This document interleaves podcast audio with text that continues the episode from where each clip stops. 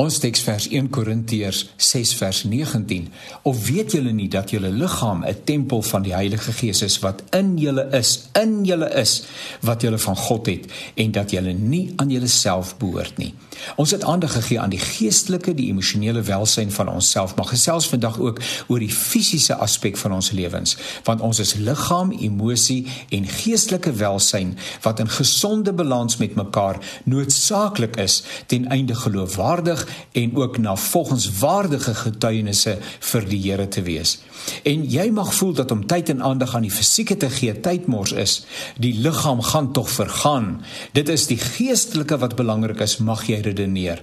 En is uiter dit's uiter dis uiteraard doodgewoon nie waar nie, want die Bybel sê dat liggaamlike oefening belangrik is, waarde het. Dit sê dit nie dat dit nie waarde het nie, maar dit sê dit moenie ten koste van die geestelike wees nie. Maar andersins is dit niks minder as 'n noodsaaklike stuk gereedskap wat ons nodig het om op aarde te kan funksioneer nie. Wie die liggaam verwaarloos, verwaarloos die gawe wat God gegee het. In 'n hele aantal dinge kom by 'n mens op wat verband hou met die liggaam. Rus, gereeld en genoeg.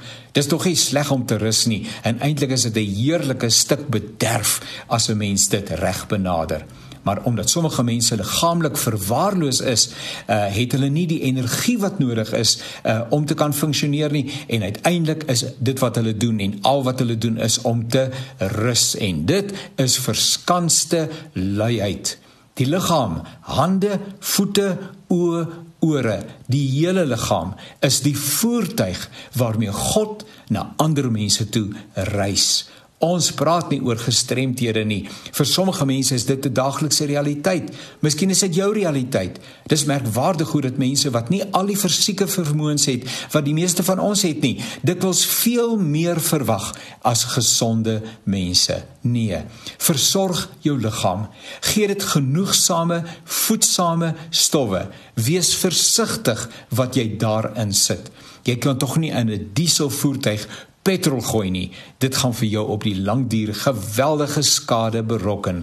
Wees versigtig wat se tipe brandstof jy in jou liggaam ingooi, ook in jou emosies en ook in jou gees, nê? Maar ons praat vandag veral oor die liggaam.